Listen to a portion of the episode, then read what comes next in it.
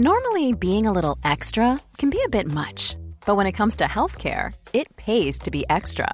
And United Healthcare makes it easy with Health Protector Guard fixed indemnity insurance plans. Underwritten by Golden Rule Insurance Company, they supplement your primary plan, helping you manage out of pocket costs without the usual requirements and restrictions like deductibles and enrollment periods. So when it comes to covering your medical bills, you can feel good about being a little extra. Visit uh1.com to find the Health Protector Guard plan for you. The number one selling product of its kind with over 20 years of research and innovation. Botox Cosmetic, out of botulinum toxin A, is a prescription medicine used to temporarily make moderate to severe frown lines, crow's feet, and forehead lines look better in adults. Effects of Botox Cosmetic may spread hours to weeks after injection, causing serious symptoms. Alert your doctor right away as difficulty swallowing, speaking, breathing, eye problems, or muscle weakness may be a sign of a life threatening condition. Patients with these conditions before injection are at highest risk. Don't receive Botox Cosmetic if you have a skin infection. Side effects may include allergic reactions, injection site pain, headache, eyebrow and eyelid drooping, and eyelid swelling. Allergic reactions can include rash, welts, asthma symptoms, and dizziness. Tell your doctor about medical history, muscle or nerve conditions, including ALS or Lou Gehrig's disease, myasthenia gravis, or Lambert Eaton syndrome and medications, including botulinum toxins, as these may increase the risk of serious side effects. For full safety information, visit BotoxCosmetic.com or call 877 351 0300. See for yourself at BotoxCosmetic.com.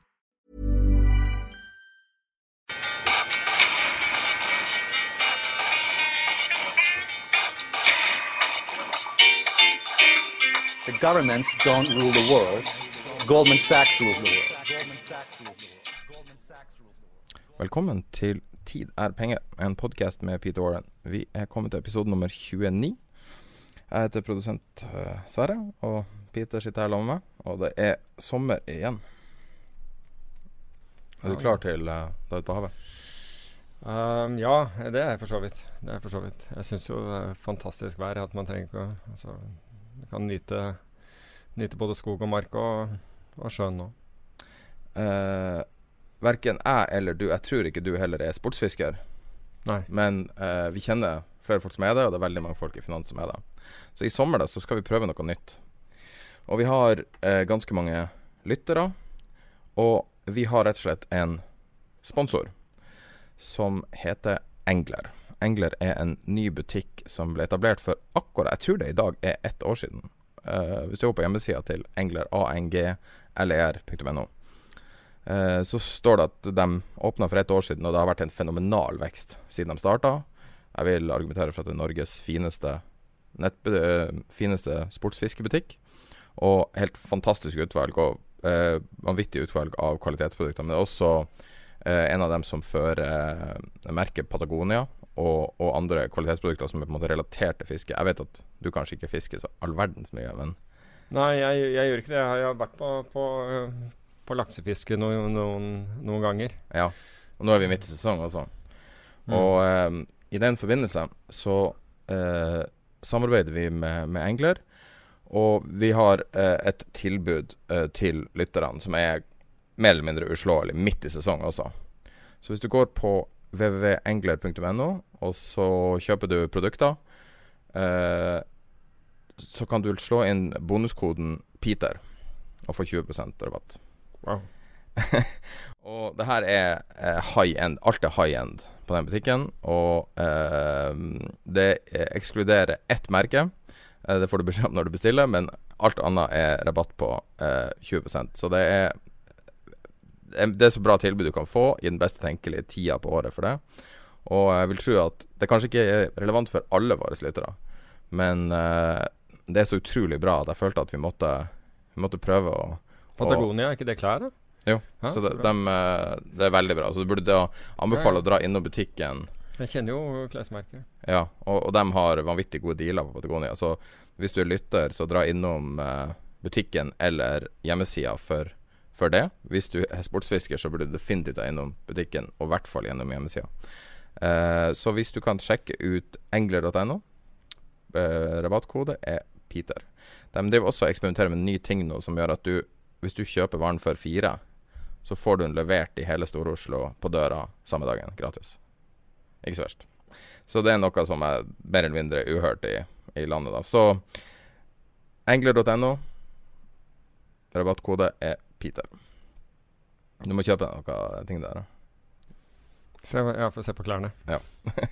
Så um, da skal vi gå videre um, i vår uh, på en måte sommer, starten på en sommerspesial her.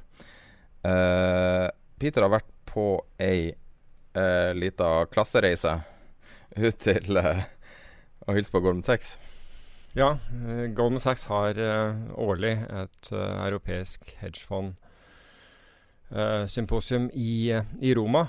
Uh, og det er sånn by invitation only. Så det, kan, det er ikke sånn at du kan, uh, at du kan kjøpe deg billett eller noe sånt noe til, å, til å være med der. Men det er det er vel det eh, European Main Event som er på hedgefond, tror jeg. Altså det, jeg tror ikke det er noe Altså det, det fins andre ting, Eurohedge og, og, og slike, men, men når det gjelder eh, profesjonalitet, så, så har Goldman det, det beste som er i Europa. Det har for så vidt i USA òg, tenker jeg, men, eh, men i Europa har de det. Men hvordan har det seg at du er der, da? Ja, nei, det Altså, jeg blir, jeg blir invitert. Jeg har vel vært der nå i Jeg tror jeg har vært der i, ja, i over ti år. Um, og blir fortsatt invi invitert. Og det er um, Det går over to dager med hvor, uh, du har altså hvor, hvor det er satt opp møter, og det er foredrag og den type ting. Men så, og så er det middager, lunsjer, frokost. Um, og over et antall dager. Så Akkurat i år så må jeg si at det, jeg var litt eh, skuffet over, uh, over de, de planlagte sesjonene eh, som var. Eh, noen av dem var bra. To, to syns jeg var veldig bra. Men eh, derimot over, og særlig middagene, som går da over noen dager, eh, så møter du veldig mye interessante mennesker. Så, så alt i alt veldig vellykket. Veldig, syns jeg. Og det er alltid nye ting som skjer. Altså Det nyeste på en måte dukker opp der før det dukker opp andre steder. Det store spørsmålet da, hva er det som er trendy akkurat nå? Ja, Det er jo forskjellige ting som er, eh, er, er trendy. Altså du har jo og Det første er at alle syns at, at aksjemarkedene er, er dyre. Um, og, og syns at kredittobligasjoner og den type ting er, er eh, for høyt priset. Altså kredittspredden er, er Altså på en måte risken. Den, den er, det er asymmetri der. Altså nedsiderisikoen tilsvarer ikke oppsidemulighetene. De mener at, at hvis noe går gærent her Det er et sånt generelt tema. Men det, det kan man jo lese av internasjonal presse også, så det er ikke så unikt. Det andre er vel innenfor um, Altså hvordan teknologi er i ferd med å overta mer og mer uh, inn, innenfor finans. Um, og i år så vil jeg jo si at blant de, det er jo mange fond som er høyteknologisk der, altså som er eh, datadrevne fond, algoritmedrevne, teknologidrevne fond. Men WorldQuant um, syns jeg slo den ut av parken i år. Altså WorldQuant fordi Altså WorldQuant har vært en um, har vært et hedgefond som har vært en del av Millennium Partners. Og Millennium Partners er kjent for alle egentlig som i hedgefondverden. Um, sjefen der, Israel Englender, har drevet dette fondet i veldig mange år, over 20 år så vidt jeg husker.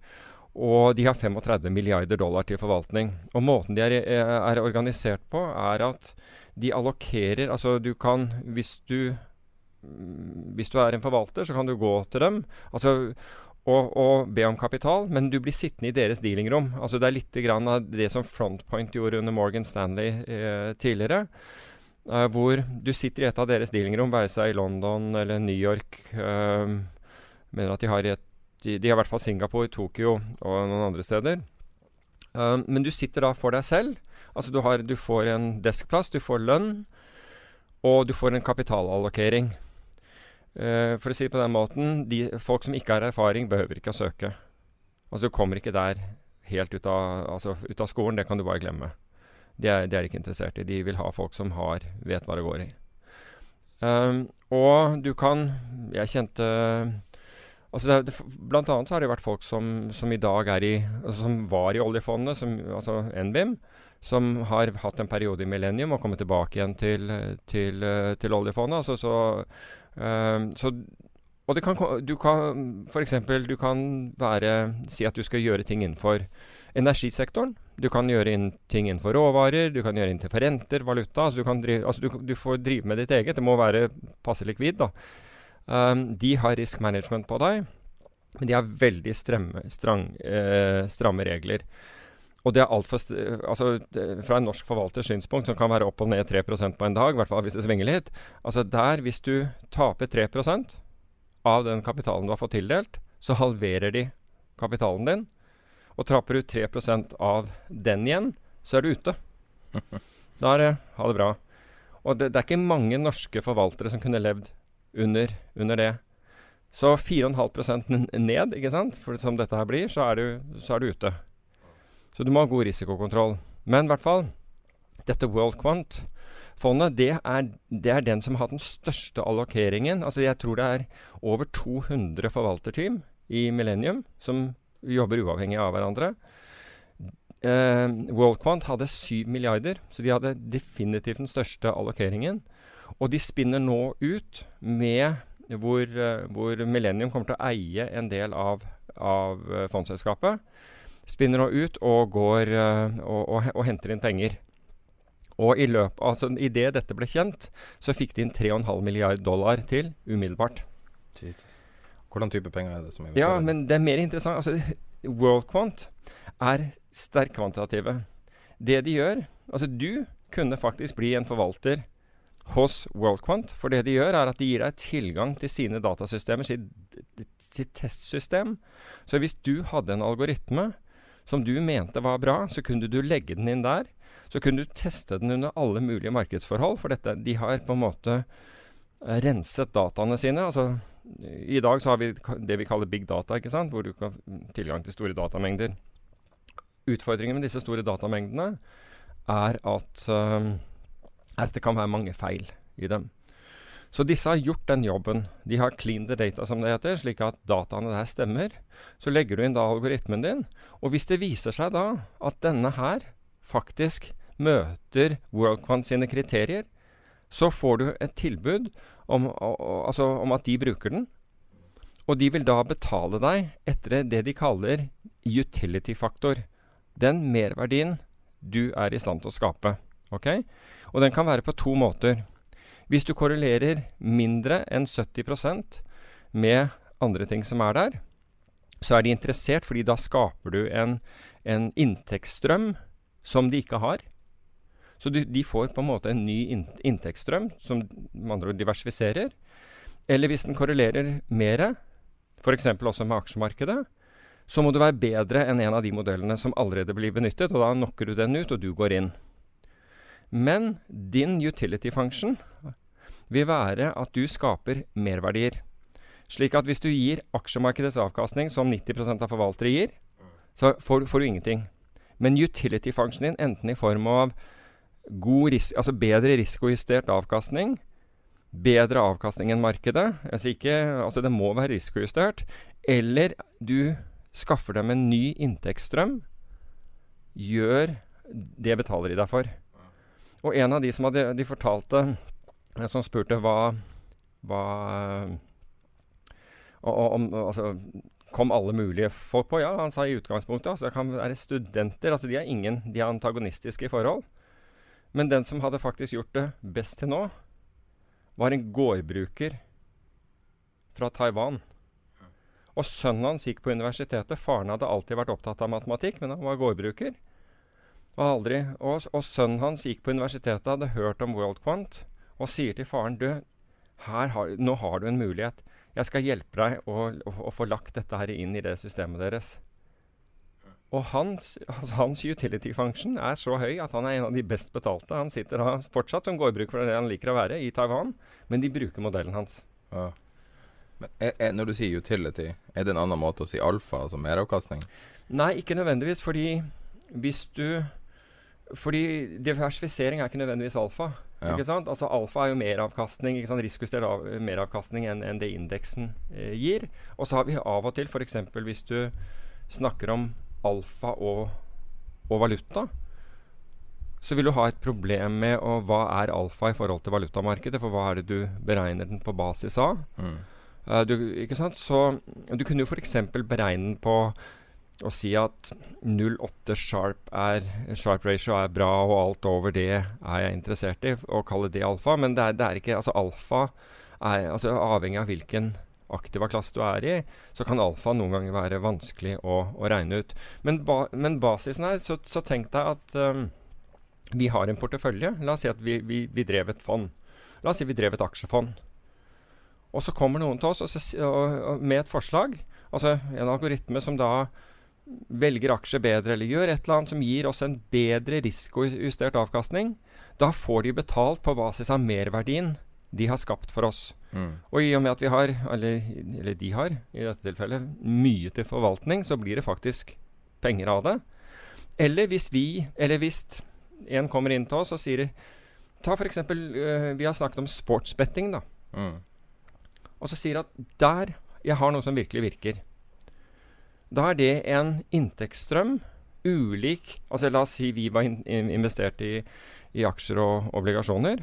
Da, da, ville de gi oss en inntektsstrøm som er en helt annen enn den vi har. Vi har jo ikke noe fra sportbetting. Og den vil være verdt noe for oss, fordi den vil faktisk diversifisere det vi drev med. Mm. Den vil gi merverdi. Og den merverdien er det de betaler for. Så det betyr at du, du skreller ut alle forvaltere som på en måte ikke har noe merverdi de skreller du rett og slett ut, fordi de, de, de faller under, uh, under, listen. Men de som er i stand til å gjøre, gjøre det, systematisk klarer å, gi en merverdi, får godt betalt. De, og de har, altså, de har millioner av forskjellige algoritmer. Rett og slett, og, og kombinasjoner. Ja. Fascinerende. Men, Men det er også litt sånn Vi tenker på halveringstida på på sånne her systemer ja. er jo ganske rask nå. Ja, halveringstiden per modell ja. er nok rask, ikke sant? Men, Men tenk på den taiwanesiske bonde, ja. gårdbrukeren. Hvor lang tid tar det før markedet har Vanskelig å si, fordi hvor, jeg tror der hvor halveringstiden er, synes å være kortest i øyeblikket, det er i det veldig, veldig korte bildet, altså det high frequency-bildet. For der er det så store ressurser nå på på en måte å knekke koden og se hva andre gjør, og lese ordreboken. Altså det er liksom sånn, og dette går på sant, mikrosekunder nå. Nivå, Der er det så store ressurser at der inne ønsker du ikke å konkurrere uansett. Så inn, i, altså jeg, jeg, vet ikke hva, hva denne taiwanesiske gårdbrukerens modell blir, blir bruk, brukt på. Men her, altså hans modell har da blitt brukt i, i flere år og fortsetter å gi, uh, gi god avkastning. Men det blir som med alt annet. altså Jeg er helt enig i det du sier om halveringstiden har gått ned. Uh, det blir som alt annet. Ingenting virker forever. Og det må man huske på, at ingenting virker forever. Og det betyr jo at også taiwanesiske gårdbrukere, som vi alle oss andre, må på en måte være fremoverlent hele tiden og prøve å lære oss mer. Mm. Det, det, holder ikke å bare sette seg tilbake og nå har jeg, nå har jeg, nå jeg knekt koden. Ferdig. Det er det ikke. Men, uh, men uh, i den forbindelsen altså Sjefen her heter Igor Tulsjinskij og snakker skallet kar uten mimikk som snakker med, med tung russisk aksent. Nesten skremmende, men utrolig interessant. Og han tenker seg om før han svarer. Og så var det et sånn gjennomgangs Vi har jo også snakket om det her, men der ble det liksom litt for mye. Det var alltid en eller annen ung fyr som ikke hadde stilt noen spørsmål noen gang under, under uh, disse sesjonene som kunne dreie seg om 6-20 mennesker som var på. Som spør, uh, som spør uh, hva, hva holder deg oppe om natten? Ikke sant? Hva er du redd for? ikke sant? Og det er, det er, ikke det at spørsmålet er irrelevant, men jeg ble så drittlei av å, å, å, høre den der en eller annen si den hver eneste gang. tenkte jeg. Men i hvert fall, samme skjer her. I denne sesjonen så skjer, skjer det samme. Og da tenker han uh, Tulsjinskij seg godt om. Blir, sånn, blir sikkert stille i 15 sekunder, og det virker ganske lenge faktisk i det der rommet med, med mye mennesker. Og så sier han 'managing complexity'. Det var det. Altså, ting var komplekse. Og det er jo egentlig Altså, egentlig er det der genialt. Mm.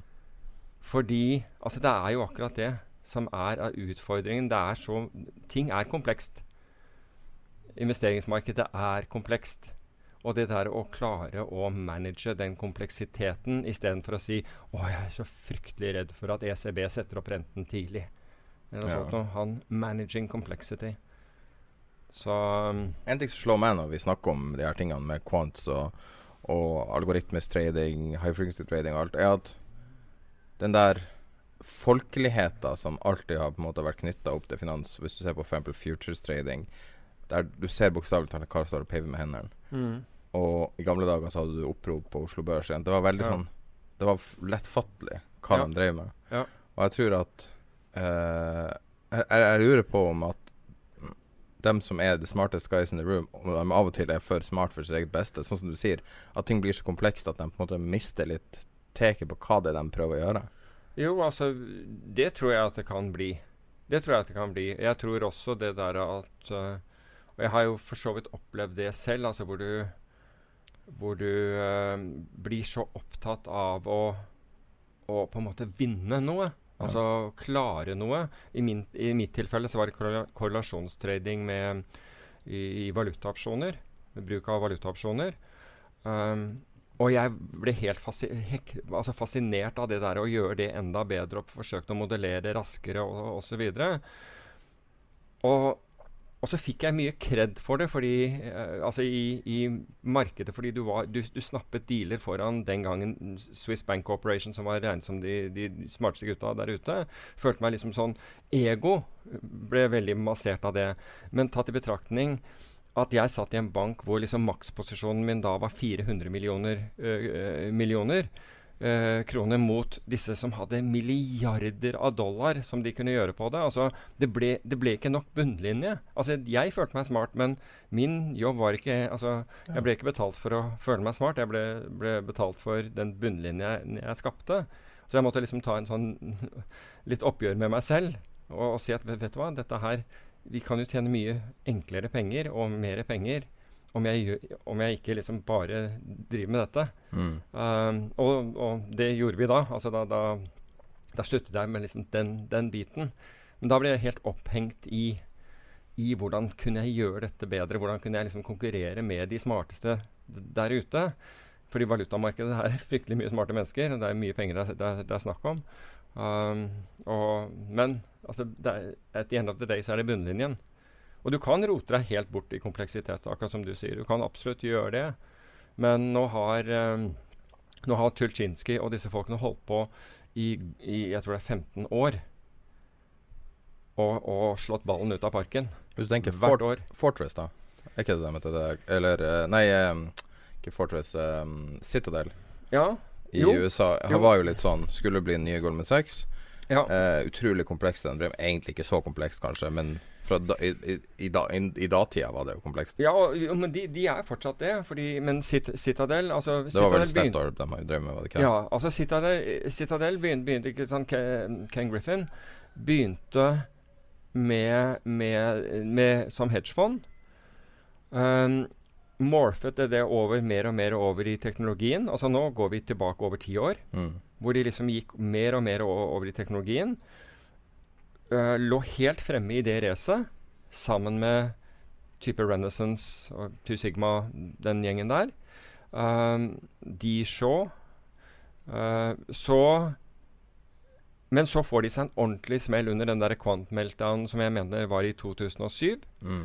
Men rett før der så hadde de faktisk skilt ut high frequency-biten sin. Og, og den klarte å tjene penger hele veien. Den klarte å tjene penger. Men Citadel er jo fortsatt kjempestore. Kan vi snakke litt om den high frequency meltdown? For det var vel en meltdown som ingen hørte om. Som var sånn Ja, du fikk den ikke med deg her. Nei, altså, du, men du, normale folk fikk ikke med seg det. Nei. For det var Men det var vel når Statoil-modellen kollapsa, var det ikke? Nei, det var jo ikke Altså, det som skjedde, var jo at etter hvert som flere kom inn i gamet Og dette eh, Altså, Renaissance ledet dette.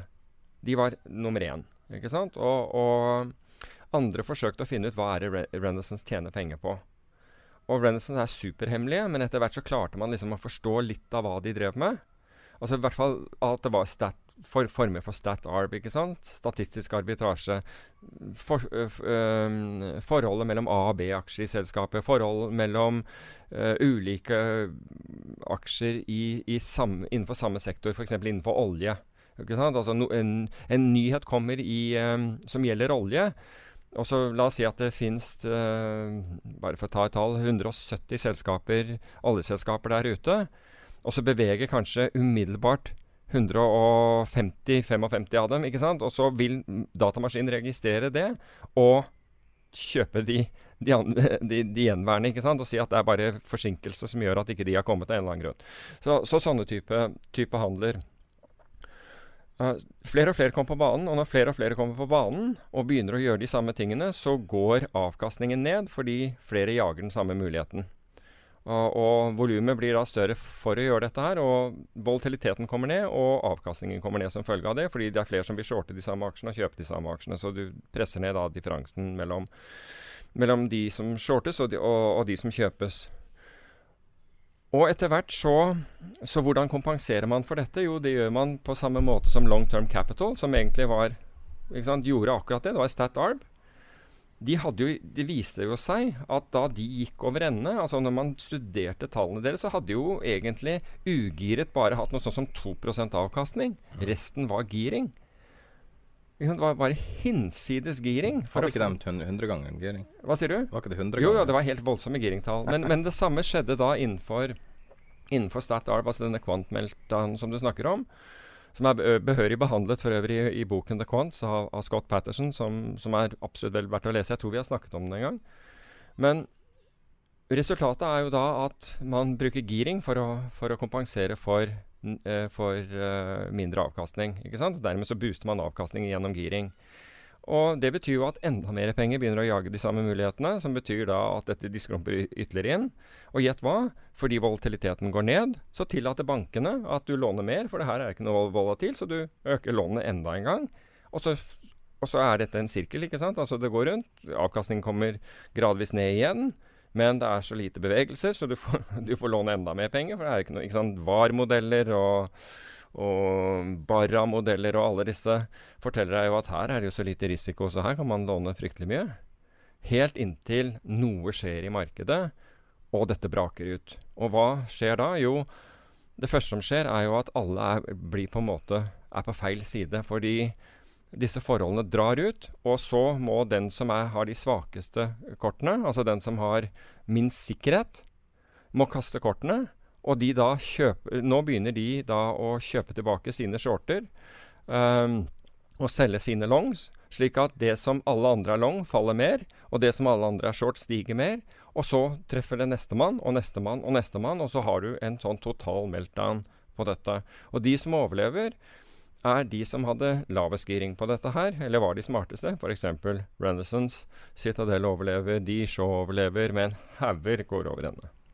Men Citadel ble jo jekka ned fra å ville bli den neste Goldman Sachs til å ja, bli tilbake til det der. Ja, Ja, ja, men brutal nedgang, ikke sant. Og de, og de, merket jo Altså, kapitalen forsvant jo ut av disse selskapene. Ikke sant? Det, det, det var helt voldsomt. Altså, mange av dem fikk halvert forvaltningskapitalen. for Investorene var jo ikke forberedt på dette, men det var jo rett og slett fordi ikke investorene hadde tenkt på hva disse egentlig drev med. Altså, de, de, så ikke muligheten for denne volatiliteten. De hadde ikke forstått egentlig forretningsmodellen til disse fondene. Men eh, de som overlevde, de kom tilbake igjen og tjent mer enn noen, noen gang. Nå har de raffinert modellene sine, de har tatt hensyn til det. Og laget de litt annerledes. Og i forbindelse med det så så jeg hadde, et, jeg hadde møte med Winton, som, som, jeg er en stor fan av. Det britiske fondet Winton. Um, og de hadde faktisk redusert, og det var jeg ikke klar over de hadde, altså Dette er jo et opprinnelig trendfølgende fond, og, som er ren datadrevet. Og Winton hadde knallår i 2007 og enda og knallår i 2008. Altså da alt annet gikk til helvete i verden, så hadde de et fantastisk år. Um, og så, og rett og slett pga. Uh, metodikken sin. Men de har alltid vært flinke til å oppdatere seg i forhold til mange andre trendfølgere som bare sier at ja, ja, men trender kommer tilbake igjen. Men nå var det veldig interessant å høre dem nå, fordi de hadde da redusert denne trendfølgende modellen. De har mange andre modeller, men den trendfølgende modellen var redusert så den var under 50% av, av, uh, av fondet, altså det av avkastningen til fondet. Og ved slutten, unnskyld, ved begynnelsen av neste år så vil den være nede i 25% den trendfølgende delen. Og så sier jeg eh, til, eh, til han at eh, jeg formoder at dere, har, at dere har kjørt dette også tilbake i tid for å se hvordan dette har vært, og det har de selvfølgelig gjort. Og så sa jeg hvordan ville dette ha gjort i, i, i f.eks. 2008? Og da sa han at den hadde vært, den hadde vært gitt gevinst i 2008 men gevinsten ville vært lavere enn det. eh, enn den var. Så, sa jeg, hva, så, sier jeg hva, hva, var, liksom, hva er tanken bak det? Hvordan liksom, tenkte dere rundt det? Og han sa hvis du hadde laget en modell altså Hvis du så hvilke modeller Så tok en modell og laget på basis av eh, teknologi, altså dotcom-basten, boom-basten i, i dotcom, og kjørte ikke sant? Du lager den på basis av den, og så sier du at OK, jeg har nå en modell som Jeg har funnet en modell som ikke taper hvis du, du ser en sånn utvikling. Når du da kom til 2008, så var den helt annerledes. Og den ville da ikke ha virket. Og på samme måte sa han at vi tror ikke at den neste vil ligne på 2008. Så, det, så, vi, to, så vi tror at det vi har gjort nå, er det rette med tanke på den utviklingen vi ser, og vi bryr oss egentlig ikke om det faktum at den modellen som Altså, vi, vi tjente de pengene vi tjente i, i 2008, men verden forandrer seg. Generaler slåss alltid den forrige krigen. Ja, og det er forskjellen her. Og hvis du, hvis du snakker med folk, og mange, de tester på disse og sier åh, fantastisk, se hva som vil skje hvis 2008 skjer, eh, skjer om igjen. Men den tar ikke hensyn til at kanskje ikke 2008 skjer om igjen, men, men noe annet. Og Winton mener da at de er bedre rustet for å fange opp andre ting. Mer sannsynlige ting enn akkurat det. Interessant. Ja, jeg syns det. Nå er vi en digresjon her. Vi har jo masse tema. Vi har så vidt toucha på det. Bare på gulvet fortsatt. På Wintons hjemmeside så har de en ganske artig artikkel om veien til uh, Trillion Dollar Company. Mm. Vet du hva som var det første Billion Dollar Company? Første, nei. US Steel. Aha. Første ti Billion Dollar Company var General Motors. Eh, første 100 billion dollar company var IBM. 500, millioner, eh, 500 milliarder var Microsoft. Og så one trillion nå, så er det da, selvfølgelig. Altså Microsoft jo, kan jo være det. Alphabet, altså Google. Amazon og selvfølgelig Apple. Mm. Um, men jeg syns det var litt artig eh, Det var en artig oppstilling, Fordi det viser jo også så utrolig tydelig progresjon i verden. Og nettopp det du sier, at ting bare forandrer seg. Men det, er, men det jeg oppfatter, er at det er så få som, som tenker på den måten. Altså alle er altså det, Jeg husker ikke ordrett generalsitatet uh, ditt, men jeg syns det var et godt eksempel på nettopp det. Altså Du har sett det, og det, da, hvis jeg dekker den, da har jeg følt at jeg er OK. Men det er ikke slik det er. Ja, Det er jo altså sånn, det er et klassisk eksempel i Maginot Line. Ja. Det andre verdenskrig, der mm. han satte opp uh, Sigfrid-linjen og Maginot-linjen. Ja, han satte opp sånne turrets for å ta uh, For å ta neste eller, Ja, for å unngå å få sånn uh, Eh, så kom de en annen vei. Første verdenskrig, og så bare kommer blitskrig ut av det blå. så, så, så uh, man mm. forbereder seg vel på den neste Altså Det som er nå, er vel å forberede seg på blitskrigen, ikke på skyttergraver. Ja, nettopp. Men uh, i den forbindelse, da, så kanskje vi skal gå over til det vi hadde tenkt å snakke om. Som var det siste blogginnlegget ditt. En annen ting vi hadde tenkt å snakke om. Ja. Banket ned, ja, som jeg kalte den. Du har fått ganske mye oppmerksomhet, av du. Ja, uh, ja, altså Det som jeg tror skiller denne fra, uh, fra mange av de andre bloggene, det er at det har vært vesentlig institusjonelle investorer som har tatt kontakt om denne, og som har hatt spørsmål rundt, uh, rundt denne. Og vi kan jo bare kort Vi tar og legger den ut på, på Facebook-gruppen. Ja, og i folk, beskrivelsen til podkasten også. Ja, og beskrivelsen til, ja nettopp. men det den kort går ut på, det er at at uh, det, 39 banker er definert altså globalt, på global basis er definert som systemkritiske. Og med systemkritiske banker så tenker vi banker som vi må reddes. Altså du kan ikke la de gå over ende. Hvis verden går til helvete, så må disse reddes. For rett og slett pga. de har så stor samfunnsmessig betydning. Av disse 39 bankene så har, er nå 41 av dem i det man kaller bear market. Altså med andre ord, de har falt 20% eller mer fra toppen. Og det skjer i det de aller fleste kaller tidenes bull market, det vi er inne i nå. Altså Vi har nå sant, nesten sammenhengende steget fra 2009. Og i det så er altså 41% av bankene som på en måte er barometeret for hvor bra det går i økonomien. Med andre ord når, når eh, bedrifter og privatpersoner tjener mye penger, så er det ikke noe problem. Da låner de, men de betjener lånene sine, avdrag, alt, alt, er vel for bankene. Og bankene kan øke marginer, og de kan tilby andre produkter. og de kan gjøre, altså Egentlig så blir det være veldig gode tilstand, eh, tider for bankene.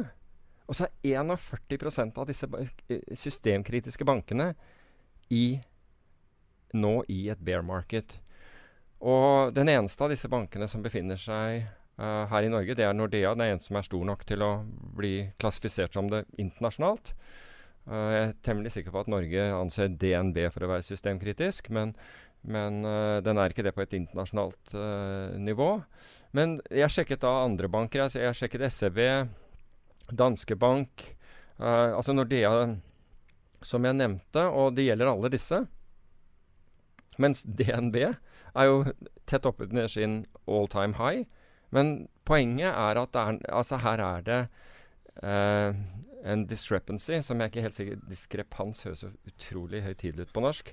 Så jeg vet ikke helt hva, hvilket uttrykk man skal bruke. Et avvik fra normalen? Et, et, avvik, et veldig stort avvik mellom det, du, mellom det vi opplever, altså fantastiske tider i aksjemarkedet, som på en måte alle sier, Uh, og økono økonomer, ikke alle riktignok, det har vært jeg så han, Harald Magnus mene det motsatte. Og det, og det, er jo bra det at noen gjør det, men det, det er ikke sky på himmelen. Er, mens i realiteten så, så, har disse bankene falt kraftig. Og så kan du si at det er interessant i seg selv, fra et makroperspektiv. Og det er i hvert fall så interessant at hvis jeg var en analytiker eller jeg var en in institusjonell investor, som, er, som i de tilfellene hvor folk henvendte seg. De henvendte seg to årsaker. Den ene var at, uh, var, var at de syntes det var interessant å lese. Men da hadde jeg i hvert fall begynt å se på hva er det som skjer her. Altså Det kan kanskje forklares med teknologi, eller det kan, altså teknologirevolusjon, tightere marginer, økt konkurranse. Mange sånne ting. Men i og med at det er såpass mange banker, så er det ikke, er det ikke um, ned til um, lokale forhold i et enkelt land. For dette var bredt spredt. Og, altså, det, noen, det finnes, blant disse bankene fins noen kinesiske, bl.a. Um, det hadde i hvert fall begynt å se på disse, altså Hvis det var meg, så hadde jeg, hadde jeg tatt det som et varselskudd. Dette her bør jeg ha, ha, et svar på. Så jeg hadde gått til bankanalytikere eller noe sånt og si hva hva er en god forklaring på dette. Um, det er den ene. Ja, har du en forklaring på det? Nei, jeg har ikke det. For jeg har ikke gått inn og, og, og, og sett på det. Og så er det den andre som er mer interessant for meg, og det er um, hva Altså, hva, vil jeg kunne utnytte dette? Er det mulig å utnytte dette? Ikke sant? Altså, og da vil jeg begynne å se på vil jeg begynne å se på banker som da ikke hadde falt og banker som har falt, og begynt å se på hva er, hva er, de dårligste av de bankene som ikke har falt, og den beste av de som allerede har falt. Og så hadde jeg begynt å tenke long-short-strategier i forhold til det. Short DNB, long Goldman? ja, nå er ikke eh, Goldman er en investeringsbank, men, men muligens jeg, jeg, må, jeg, må, se på det. Men, uh, men uh, det fins mange andre banker der ute også. Men jeg hadde i hvert fall sett på Jeg hadde begynt å se på sånne muligheter. Altså Jeg sier ikke at DNB er den, er den dårligste av de beste heller, for den saks skyld. For jeg har, jeg har, ikke sett på det. Men jeg ville definitivt begynne å, å bore i dette. Og snakke med uh, flinke bankanalytikere. Jeg kjenner en som er god. Jeg har ikke snakket med han. Men det er, flere som er gode, bare så det er sagt. Men det, det er, slik vil jeg gripe den an. Jeg, ville, jeg ville se etter Fins det muligheter her? Er det, noe, er, er det, noe, som er totalt misforstått og underpriset? Eller er det noe som er totalt misforstått og overpriset i dette her? Eller begge deler? Begge deler gir muligheter. Og er det slik? Skulle det være slik at bankene faktisk Dette er et um, sannferdig barometer på økonomisk utvikling? Da bør vi virkelig sette oss frem i stolen, hvis du har mye risk på boken. Det var jo mitt spørsmål nå. Er det her For det, siden banker er så, så uh, involvert i alle mulige deler av samfunnet og økonomien, og vi tidligere har snakka om at investeringsbanker ofte er en sånn uh, kanarifugl i gruva, uh, er det det vi opplever nå? Ja, altså, det kan være. Altså, jeg syn, altså når jeg begynte å se på dette, så, så begynte jeg å sjekke begynte jeg, altså for, for, jeg, jeg, begynte jo å være såpass nerdete at jeg så på, jeg så på DNBs Jeg så på de, de, som var representert i Norge. Altså Jeg så på de store bankene her, og da så jeg på DNB, Nordea, eh, Danske Bank og SEB. Altså som store banker. Det finnes andre store banker, norske også, men, men jeg tenkte ok, la, la oss se på de. Og da har du jo ikke sant, Nordea var ned over 20 altså danske og, og, og SEB. Og da, det er klart at da Det syns jeg er en trend. Men så kan du si Er det rimelig å anta at disse har det så mye dårligere enn DNB? Eller er det DNB som gjør noe så grenseløst smart? Altså de, de, kalte seg jo et, uh, altså Etter at Goldman Sachs og JP Morgan kalte seg teknologiselskaper, så tror jeg DNB kom på banen innen tre måneder etterpå og kalte seg selv det. Um, han kan sikkert spinne ut VIPS til en ganske svær business hvis han vil. Ja, men nå har, jo, altså, nå har de akkurat fått konkurranse, og den er de tydeligvis livredd for når de går på forsiden og sier at liksom, vi anbefaler folk å ikke ja, det Apple Pay, det skulle man absolutt altså, Snakk om panikkreaksjon, da. Alvorlig talt. Altså, det forbauset meg at DNB uh, gikk Altså, de kan mene hva de vil og, om det, og begrunnet eller ikke begrunnet, men det der så ut som en sånn knee-jerk panic reaction. En sånn amygdala-reaksjon. Når det går ut sånn. Altså jeg, jeg, skjønner ikke hvorfor de ikke bare satt tilbake og sier at ok, det, det fins andre muligheter her også, men vi føler at vår er, er veldig god. Altså Det fins jo en vips i alle land. I Sverige heter det Swish. Ja. Okay.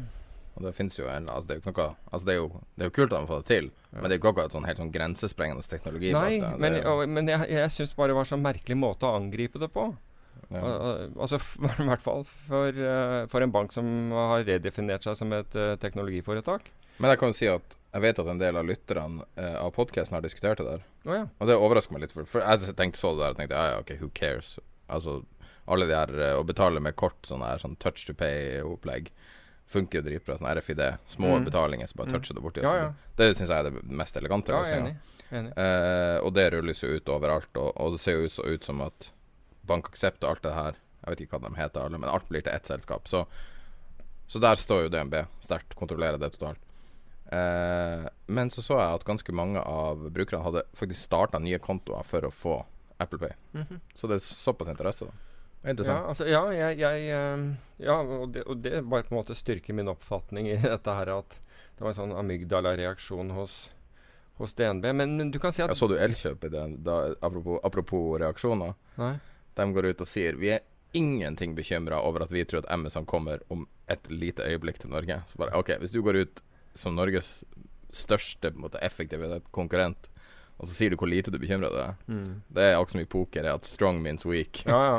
Du er dritt Men, men det, er, det, det, er, jo litt sånn, og, og, normalt sett så har jeg, jeg har vel aldri sett DNB på en måte ha en sånn reaksjon. Altså, du, du, altså de er profesjonelle i det de gjør. De har store avdelinger som, som skal håndtere det, media. Og, og, og, Derfor så var jeg litt, var rett og slett forbauset når jeg så, så, den reaksjonen. Og første jeg sendte den til, for jeg tenkte jøss, er det mulig? Jeg sendte det til, det var også sånn Å, herregud. For, altså, svaret var, var sånn hoderistende. Mens en annen sa 'jeg ler så jeg griner'. Ikke sant? Altså, sånn merkelig måte å, å håndtere det på. Uh, men, uh, men dem, dem, om det. Det kan godt hende at den teknologien de sitter på, er, er skal, uh, slår alt, for alt jeg vet. Jeg vet ikke. Men uh, Hvem er det som den verste utsatte? Jeg ser her på chartet ditt. SEB er ganske dårlig. Nordea er dårlig. Ja, de alle ikke sant? De alle har jo falt, falt, kraftig. Det var ikke det at de begynte fallene sine nøyaktig på samme tidspunkt, men alle er, ikke sant? Er, er, altså Hvis du bruker den definisjonen, og den, den elsker jo i hvert fall pressen å bruke, at har det falt 20% så kaller vi det et bear market, så er det jo, er det jo et poeng av at Jeg tror de bruker å kalle det krakk. Ja, det, er, det, skal jo ikke mene noen, noen, prosent til at du kaller det krakk nå om dagen. Krakk er ikke, I henhold til media tror jeg 20 er det de bruker på krakk. Å, hjelpe meg. Norsk ord for Virkelig, da, jeg tror da, det. Da er vi fullt, ja, men jeg har sett krakk på noen pro prosenter ned. Det er altså sånn der hvor de går helt aksjen krakk Apropos det, kan vi, snakke, kan vi, snakke, om det her nå? Vi, vi diskuterte det før sendinga. Eh, om eh, Vi hadde litt forskjellige navn på det. Jeg kaller det Barents Magazine eh, Cover Indicator. Og i Norge den indikatoren, og du hadde en annen en? Ja, det er Daily Mail, for det var det vi kalte det i London. Men det var når jeg var, var i råvaremarkedet, og da må det mange mange år tilbake. Men altså, hvis en eller annen råvare ble omtalt i Daily Mail, av Daily Mail mm. Altså, da hadde en oppgang gått så langt at, at jeg, jeg, tuller ikke. Alle, altså alle kom seg ut da. Altså. Alle som visste noe, alle som satt med, med egne posisjoner. Den dagen de bare skrek Daily Mail, da var alle på selgeren. DN har jo vært både på, både på Norwegian og på Tesla har de jo vært helt perfekt kontrær indikator. Okay. Helt uh, nesten top tick og bottom tick. Au.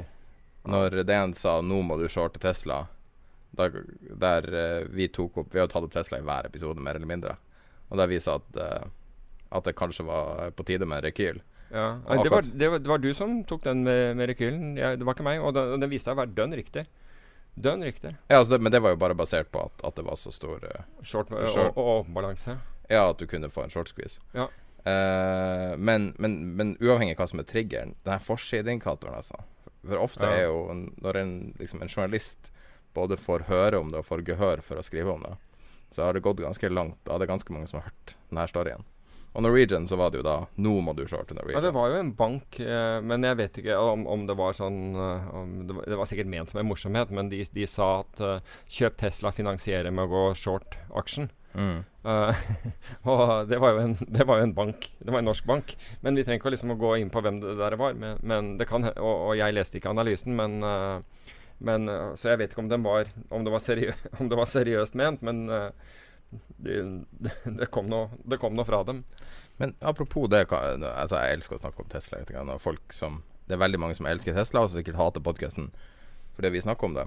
Men jeg har jeg hørte en teori i går som eh, det begynner å snakke om blant kjøpere av elbiler. Det var en venn av meg som spor, så vi diskuterte elbiler, så sa han skulle kjøpe seg en og ville ha rekkevidde og alt mulig. Og da og Han mente at det var man kunne ikke kjøpe Tesla, for det var så lang ventetid på deler. Og da sa han at han hadde vært og sett på eh, på parkeringsplassen utenfor Tesla-forhandlere. Og Der står det alltid masse biler lina opp. Og det sier han at de bilene som står der, er ikke til salgs, men de står og venter på reparasjon. Og det kan ta flere måneder. På det verste kan det ta seks måneder for reparasjon. Det var det han sa, da. Jeg vet ikke om det stemmer. Nei, jeg, Men han sa at du kunne se på støvet som lå på bilen, Oi, hvor lenge den har ligget inne. Støvindikatoren. Uh, Det er ganske interessant. Det er sånn uh, gå og telle dongeribukse på en forhandler for å se hvor mye de har på lager for Ja, ja. å shorte det. ja. Jeg har aldri hørt noen nevne den før. Nei, altså det eneste jeg la merke til, var at uh, altså Jeg har blitt spurt liksom, hvordan går det å være short Tesla nå om dagen. Um, og en eller annen Jeg tror det var i Facebook-gruppen som sa at Apropos det å ha skin in the game, men det var, var sånn at vi ikke hadde skin in the game. Ba, bare for bare, Da kan det være greit, altså for ordens skyld, er at, uh, at, at uh, Jeg hadde jo ikke noe forhold til Tesla før du nevnte den, og, og, og kom opp med, med den. Men uh, etterpå så gjorde jeg jo hjemmeleksen på den, og vi hadde jo laget den derre den, den opsjonsstrategien. Jeg har den opsjonsstrategien, bare så det er sagt. Men og, og den er gjort på akkurat samme, samme uh, premissene. Men den er, du, er du short nå? Jeg er short. På, altså du har gått short Tesla? Jeg er short. Ja, ja. ja. Men, men altså, jeg, jeg gjorde det en stund etter at vi hadde altså Fordi den lå jo rundt det der nivået. Og etter, etter at vi hadde at- Så du har vært short siden jul? Ja. Det har du ikke fortalt meg. Nei, jeg vet det, men, du kan si at greiene er Altså, hvorfor dette kommer opp nå, er fordi, fordi når no, Jo, men når noen spør om det Når noen spør om Altså, sier jeg om dere kunne Altså, det er greit for dere å prate om det der eh, ikke skin in the game, så det, det er egentlig bare for å rette opp det. Men samtidig så vil jeg bare gjøre det klart at at uh, altså Stort sett så, så Hvis jeg har ideer om ting, så, så gjør jeg dem. Mm. Uh, nå var det din idé, og, og jeg researchet den og likte ideen. Og vi hadde snakket om den, og derfor så, derfor så, derfor så gjorde jeg den. for it really made sense. Uh, når det kommer til denne, spiller ingen rolle, fordi eh, nettokostnaden er null på, det, på den Wow. posisjonen. Så den kan bare få lov å ligge der. Og det spiller ingen rolle. Altså Jeg ser den der muligheten til å altså når, når den går så kraftig opp, så kan du jo liksom tenke er dette her smart eller noe. Men det er ikke sånn at hvis den går til 500 så taper du ikke noe. ikke sant? Altså Det er det som er på en måte det geniale ved den gjennom den opsjonskombinasjonen som, som var. Men og så sier du hvorfor har du ikke nevnt noe, noe om det? Altså, fordi altså Svaret på det er at jeg vil ikke at, at noe skal oppfattes som som rådgivning her i det hele tatt. Liksom at vi anbefaler noen å gjøre noe. fordi det, ikke, det, det gjør jeg virkelig ikke. Av, av flere grunner. For det første er at driver ikke med det. For det andre er at du, du kan ikke ta ansvar når folk skal ut av posisjoner heller. Noe kunne skjedd over natt som gjør at man plutselig hopper ut av den posisjonen. Kan du fortelle den dollarhistorien din? Uh, hvilken da? Han du møtte på gata? Jeg vet ikke om jeg har sagt det i podkasten. Du har sagt det til meg. Ja, han, han, som, uh, han som stoppet meg på gaten og hadde, hadde tatt på dollaren. Ja. Jeg, ja, For det første så, så, så kjente jeg jo ikke eh, fyren. Uh, men han hadde jo hørt da meg si et eller annet hvor jeg ble spurt om en, Og da snakker vi om en dollarbevegelse som altså umiddelbart Altså hva jeg, hva jeg mente om dollaren. Og det var og det var der og da altså Det var jo flere år tidligere dette hadde vært. Og, og dette var media som hadde spurt, jeg, og hva jeg tro, trodde var den mest naturlige retningen på dollaren da. Og, og jeg trodde at den, den var opp. Og, og, så kommer man flere år etter og sier du, jeg, jeg sitter fortsatt med de dollaren jeg har tapt, og jeg skjønner ikke hva han snakker om engang. Ikke, ikke, ikke, vet jeg hvem fyren er, og osv. Og aldri og, Så det er, det er, jo litt det der at du at, at jeg kan snu Og jeg vil, jeg vil, definitivt ikke ha ansvaret for å, å, å, si til folk at nå mener jeg det ene eller det andre. Og så ble dette litt aktuelt i forbindelse med den med at jeg, at jeg, skrev en blogg om olje, en mulighet jeg så i olje. Og jeg tror vi snakket om Gjorde vi det forrige gang? Jeg snakka om det to ganger. Ja, ok. Med, med forskjellen mellom brent olje og den amerikanske uh, oljen, den som heter uh, West Texas Intermediate, som da Brent olje var 11 dollar. altså det Begge er råolje. Brentolje var 11 dollar høyere. Og, og jeg syns ikke at noe egentlig forsvarte at den skulle være 11 dollar høyere, og jeg ga argumentene i en blogg. Og tar denne, altså jeg tar den posisjonen noen dager etter jeg har skrevet om den, for da kommer den på det, det nivået jeg er ute etter. Men så, Og jeg tenker ikke noe mer på det før en stiller et spørsmål, jeg tror det er gjort via Messenger eller Facebook eller den gruppen, husker ikke hva det var, om hvordan man gjør det, og hadde tydeligvis var interessert i å gjøre den. Men det, det, han spør om det Jeg tror dagen hvor jeg har reversert den handelen Eller jeg tok, hadde tatt av to tredjedeler av den handelen. Man hadde falt fra 11 ned til i 8-området. Og det, altså, det har 20% gevinst på en uke. Det er relativt bra på, på, på en sånn handel. Og det jeg var ute etter, hadde da skjedd. Altså den, den, det vi kaller mean reversion, altså det hadde, hadde, da skjedd. Og derfor så vil jeg, påpekte jeg for, for vedkommende, slik at det ikke ble noen misforståelser, at jeg, at jeg syns at den muligheten var borte. Men det er tydelig at man må kanskje være litt klarere på, på dette av og til. Det er greit å ta det opp, nå. vi har ikke disclaimer, for vi er ikke amerikanere. Liksom. Og, og, men hvis du hører på, på podkasten, og hvis du altså leser bloggen, så er det aldri anbefaling. Nei, og, og så vi snakker om, med vilje. Ja, og, og, det er jo altså Man, uh, man snakker om generelle ting, snakker om tema. Det er ikke hypotetisk som i, um, som Nei, i lærebok. Altså Vi snakker om Tesla fordi at det er en mulighet at, ja. at Tesla kan være under eller overpris eller whatever. Men det vil jo Altså hvis du hører etter, så er det aldri anbefalinger. Det Nei, det må ikke oppfattes som det. Men, og den eneste altså, Det er som du sier, at jeg hadde ikke nevnt Jeg hadde verken nevnt oljetreden for deg eller, før vi satt her, e, eller denne. Men når da eh, Jeg ble litt sånn provosert av Ikke negativt, men av at en eller annen uh, sa et eller annet om, om, å ikke ha skin in the game. Og da, derfor så tenkte jeg ok, da, da, da skal jeg bare for, på en måte rette opp det inntrykket. Det betyr ingenting. Men altså, hvis jeg syns noe er en veldig god idé, og det er mulig å gjøre, så, så, så vil jeg som regel ha posisjoner i det. Så, en, mm. så, enkelt er det. Men det skal ikke oppfattes som noen anbefaling om at noen andre gjør det. Og vær så snill ikke forvente at, at, uh, at jeg sier når man, når man skal ut uh, av dette, eller om man skal i, i, det hele tatt, for det kommer jeg ikke til å gjøre. Altså, jeg gjorde det i dette tilfellet Um, for at fordi jeg var redd for at, at, en hadde misforstått, han som hadde da spurt om hvordan den traden ble konstruert. Um, rett og slett så at noen ikke skulle gjøre noe på et veldig dårlig et nivå som i hvert fall var, var, var det, altså det hadde vært for gærent, følte jeg, at noen hadde gått inn i en posisjon på et nivå hvor jeg går ut, og oppfattet at det der var smart. Ja. Men det er jo litt sånn som VIX-traden også. Ja. Det er jo kompliserte ting. Uh, det er jo det er en grunn til at du må uh, passere diverse tester for å få lov å trade sånne type instrumenter. Altså ja. det er sånn uh, suitability test og sånne type ting. Ja, klart. Og um, uh, det er en grunn til at det finnes strenge regler for konsesjon for å gi råd. Ja. og Men det er jo rart, fordi folk gir jo råd hele tiden i avisene.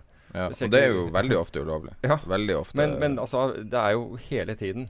At er, du kan se, det er jo altså Leser du de, så men, Og det er råd om altså Ikke bare det, men det er jo gjerne altså Der, der påvirker man gjerne småselskapet på Oslo Børs. i, i, det der. Og det er også en av de årsakene vi veldig sjelden omtaler selskapet på Oslo Børs. Når Norwegian ble utrolig aktuelt mm. um, pga. det som skjedde i Norwegian. Og så vidt jeg vet, så var det spørsmål fra andre. Men vi vokter oss vel for å, for å omtale og spesielt de, de, små selskapene på Oslo Børs. ene er at jeg kan veldig lite om det. Omtrent ingenting. Les ingenting. Uh, og det andre er at uh, vil ikke bli ansett for å være en av de som driver og manipulerer. Jeg, jeg skal ikke nevne navnet på selskapene, men det er jo stadig noen som går igjen, og, og som du blir spurt om. Ja. Det, det, er jo stort sett de samme navnene hele tiden på disse selskapene. Ja. Og gjett hvem det er liksom full, fullt av bjellesauer i dem. Og, ja. Men det er en grunn til at vi ikke nevner dem. på den måten. Ja. Nei, det ja, folk, folk, bare elsker å snakke om Oslo Børs. Altså, her kommer ja, men det er, det, altså det, er det, det, lokale markedet, så jeg skjønner at folk er opptatt av det. Og vi kan snakke om det på et litt sånn der makromessig nivå. Og, og, sikkert ta for oss enkelte problemstillinger av og til. Men, eh, men eh, Og det, jeg har også sett det der kan vi ikke omtale og det er, snakke om. Og det er små selskaper. Og og, og, det er mulig at du kan en del om de selskapene. Jeg kan som regel ingenting om dem. Og jeg har veldig liten lyst til å involvere meg i selskaper hvor jeg ser at uh, liksom den vesentlige del av den åpne balansen er, er, det man i andre land i hvert fall ville kalle smart money, som driver og holder på. I hvert fall ikke der. Vil jeg, vil jeg føle meg komfortabel med å, med å omtale det. En ting som du definitivt har påvirka, er interessen for opsjoner i Norge. Det i det siste. med ja, å snakke så mye om opsjonsstrategi. Men det er jo helt utrolig at markedet er så dårlig som det er. Har, det er jo flere av våre lyttere som har sendt, uh, som har sendt eksempler på opsjonspriser, og da, da, er det tatt fra børsene, altså kjøps- og salgskursen på, på, opsjoner, og det er horrible priser. Mm. Altså, man må ikke finne på Altså Hvis man ikke får bedre priser enn det, så er du dømt til å tape på dette. her. Du må bare ikke finne på, på det. Og så hører jeg da at uh, enkelte meglere sier ja, men uh, hvis du kommer opp i et visst volum, så skal vi stille deg bedre priser. Uh, det, er som å, det, er, det, det, er som å ha et tomt etter min oppfatning, et sånt tomt utstillingsvindu på en butikk og si at ja, vi, vi putter noe i ut, utstillingsvindu. at vi, vi, vi, tilbyr ting for salg hvis, hvis, hvis du har handlet hvis du, hvis du, er blitt god kunde. Det er ikke sånn det er. ikke sant? Du må, få, du må attrahere folk inn ved å stille gode, gode, priser og gjøre det mulig for folk å tjene penger. Ingen kommer til å fortsette i opsjonsmarkedet hvis de, hvis de taper alle pengene sine eller alltid, de, hver eneste investering de gjør der de, de ti første gangene. Altså Den eneste som blir rik på det, er megleren. Det er bare tull. Syns du det er urimelig at uh, norske meglerhus krever flere millioner som uh, minste uh, innsats for å gå inn i f.eks. minifutures?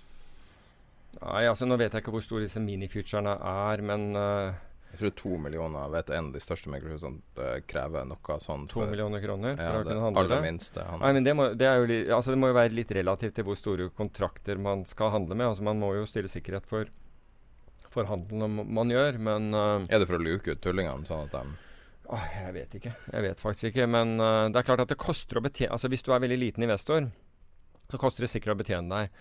I dagens, uh, med dagens teknologi, altså gjennom internett og sånn, så burde ikke den kostnaden være altfor høy. Men eh, så, så, det burde være mulig. altså Hvis du har råd til altså hvis, er, hvis du har kjøpeopsjoner, så er det jo snakk om at du betaler opsjonspremie. Og da er det ikke noe annen risiko på deg enn at uh, altså kredittrisikoen at du ikke klarer å betale, gjøre opp den to dager etterpå, eller når det er. Um, men uh, Så jeg vet ikke. Men, men, hvis du Altså at enkelte meglerhus har høyere terskler, men jeg, det er vel en del meglerhus som har lavere terskler òg, men jeg bare håper at de har gode priser for det. Uh, men uh, kan jeg bare Kan jeg spole tilbake til, til, til bankene hvor vi var i, i sted? Litt fordi uh, det, jeg var heldig å bli gjort oppmerksom på en ny studie som er kommet ut på dette med, med personligheten til uh, det har kommet tidligere på, på personligheten til hedgefondforvaltere, altså nemlig om de, man måler facial uh, bredde. Dobbelt, uh, FWHR heter vel indikatoren, altså facial width uh, height ratio. Altså bredden på ansiktet kontra høyden på ansiktet. Uh, og dette har vært gjort på hedgefond, vi har snakket om tidligere, og, og så relaterer man det til te testosteron. Uh, og og ut ifra det så, så også atferd. Og når det gjaldt hedgefond, så Uh, gjaldt, uh, det man så, var at, var, uh, at de hadde høyere grad av belåning. Altså hvis forvalteren var såkalt høyrisiko Det man har kalt den CEO facial masculinity Hva var det for noe? And Bank risk-taking er denne, denne, undersøkelsen som er nå kommet ut. Men vært, det som har vært tidligere, har vært gjort på akkurat dette. Og det man så at de, de brukte mer de brukte mer belåning, de hadde høyere volatilitet, de kjøpte uh, mer av aksjer som var nesten ansett som lodd, og de var dårlige til å, til til å kutte risiko. Og så går du til, og hva har man funnet nå, altså nå er det en studie som er gjort ved ved et universitet i, i uh, Vasa University i Finland. Det ligger, uh, ligger vel omtrent så øst i Finland som du kommer. holdt jeg på eller i hvert fall på østkysten av Finland, da, nord for, uh, for Helsingfors. Så er det tre karer der, Ahmed uh, Shivonen og Vema, som har laget den, denne studien. Og de finner egentlig litt av det samme der. Altså, hvis, altså bank, eh, ledere for banker, dersom du har denne, altså et sånn typisk høytestosteron ansikt, så, så, så de at, uh, at uh, aksjekursen var mer volatil. I disse, altså Studien ble foretatt fra 2000, 2006 til 2014. Jeg syns det er interessant, da. Um, jeg skal vise deg bilde av en banksjef nå, skal du si det her er rimelig lavtestosteron. ja, men, men du kan si at men, men, eh, det man så, var at aksjekursen svingte mer, og at banken hadde ten tendens til å ha, ha, risiko konsentrert på Altså mer konsentrert risiko. Altså de lånte ut mer til enkeltprosjekter, slik at de var mer avhengig av det. Ja. Uh, og konklusjonen da, ut ifra det, er, er jo at, du, at, det er en bank du skal låne av, men ikke investere i. Det er jo liksom den der. Så, så, du, så du, kan si at hvis, uh, hvis banksjefen du møter liksom er sånn, så lån penger av han, ikke invester i ham. Hvis han har håndtrykk som en sånn nysløya makrell, så er det bare å kjøpe aksjene. Da, ja. da går det bedre. Kvin eh, da i så fall, med den logikken, så alle kvinnelige banksjefer burde du investere i? Antageligvis. Da er det bare å kjøpe på. Lavere testosteron. Ja. Um, jeg vet ikke om vi skal snakke om den Indigo finanssaken.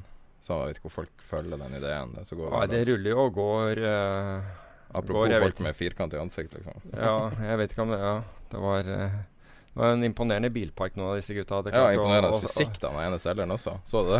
Fysikk? Ja, han, der, var sånn personlig trener. jeg har ikke sett bilder av det. Han var avbilda nesten naken i Dagens Næringsliv. Det var helt vanvittig. ja, det var litt mer informasjon enn jeg trengte akkurat nå, men uh, Ja, men det var, det var, det liksom hovedbildet de brukte, da. Ok, ok, men uh, men, men, det som er med dette, er at sånne har eksistert i alle år. Alle vet om disse her ja. i, uh, i uh, markedene.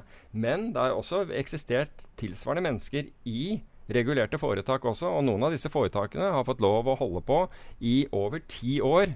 Regulerte foretak. Så, så at, at, dette blir skjerpet. Men altså, ta fra folk pensjonen Altså hvis, du, hvis du rapper et eller annet i en Narvesen-kiosk, så er det vel stor sjanse for at du, uh, at du, uh, du blir garantert bøtelagt og sannsynligvis gjør du dette sitte inne, eller hva som helst. Men tar du 300 millioner av pensjonistpenger, så flyr du rundt og gliser fortsatt og, og, og, og befinner deg på, på, greske og spanske øyer mesteparten av tiden, men eh, sånne partyøyer. Seriously?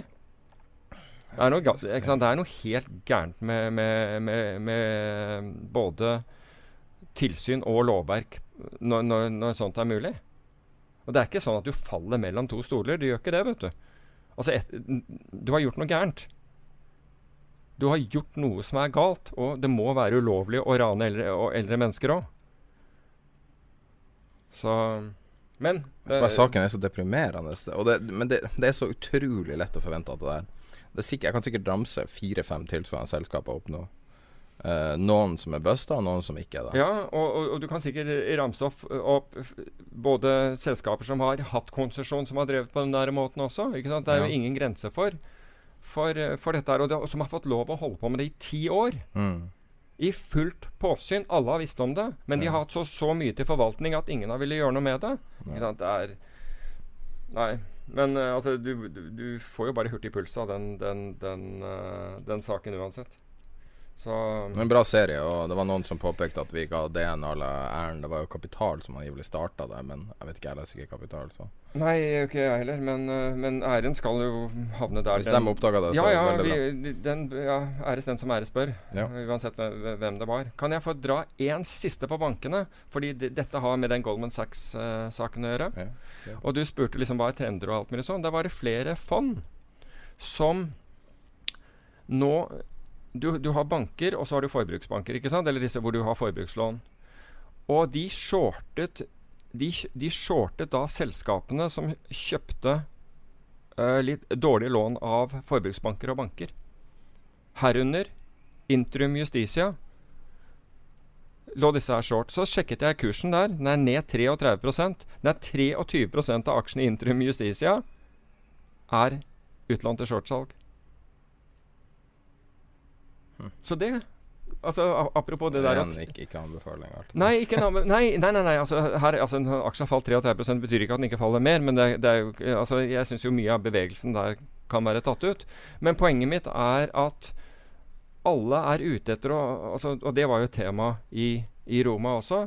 Alle er egentlig ute etter å finne alternative inntektskilder fra, fra markeder Altså se markedene på andre måter og se svakheter i markedet osv. Og, og, og der var det fem av hedgefondene Og det er ganske mye sånn, altså på en så sær idé som dette var. Og jeg vet ikke hvor ideen kommer fra. Det kan godt hende at den kommer fra en av investeringsbankene, den som har funnet ut at dette er. Men som mener at, at disse selskapene, altså at, at andelen råtne lån kommer til å eksplodere. Og at de som har de som Spesifikt norsk eller spesifikt europeisk? Nei, nei, nei. nei. Det, det, det, det, altså, det, det spesifiserte ikke, men altså Ja, For det er en gammel idé i USA at, uh, at den neste Ja, dette er, dette er definitivt på, på, på europeisk plan uh, okay. disse, disse, var, men i hvert fall Og det var ingen som nevnte noe, noe norskt. Um, men, men, de så da på porteføljen av dette og så at her var det veldig sårbart. Og så hadde de gått ned og sett hvem er det som sitter på dette her. Og da var det det, altså det eneste selskapet jeg kjente igjen, var interim Justitia. Jeg har ikke noe problem med det, håper jeg. Um, kommer de og tar huset. Um, men, uh, men uh, hvor, hvor, de så på balansen og så på hva de satt med av disse råtne lånene, og mente at dette her altså og det var et av de, eh, var et, et av de som var nevnt hvor de, hvor, de, uh, hvor de, var short. Og jeg, som sagt, det var først uh, når jeg kom tilbake igjen Jeg hadde notert meg dette her, og så, så, begynte jeg å gjøre litt research på det selv for å se hva, hva har vært utviklingen. Og så ser du faktisk et kraftig fall innenfor den der sektoren. Ja, altså, det, det reguleres jo sannsynligvis uh, bort, skulle jeg tro at det var årsaken til det her. Hva da? Ja, altså, altså, hele sektoren er jo i ferd med å under angrep regulatorisk. Ja, men hvilken sektor?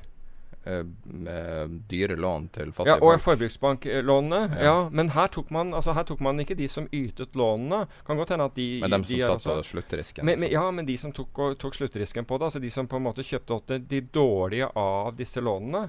Og mente at, at uh, at det ikke sto bra til. Har, har, du sett marginene til de selskapene, de her uh, forbruksbankene? Det er ikke så vanskelig å skjønne hvorfor Bank Norwegian har lyst til å starte opp i Eller hvorfor Norwegian starta Bank Norwegian.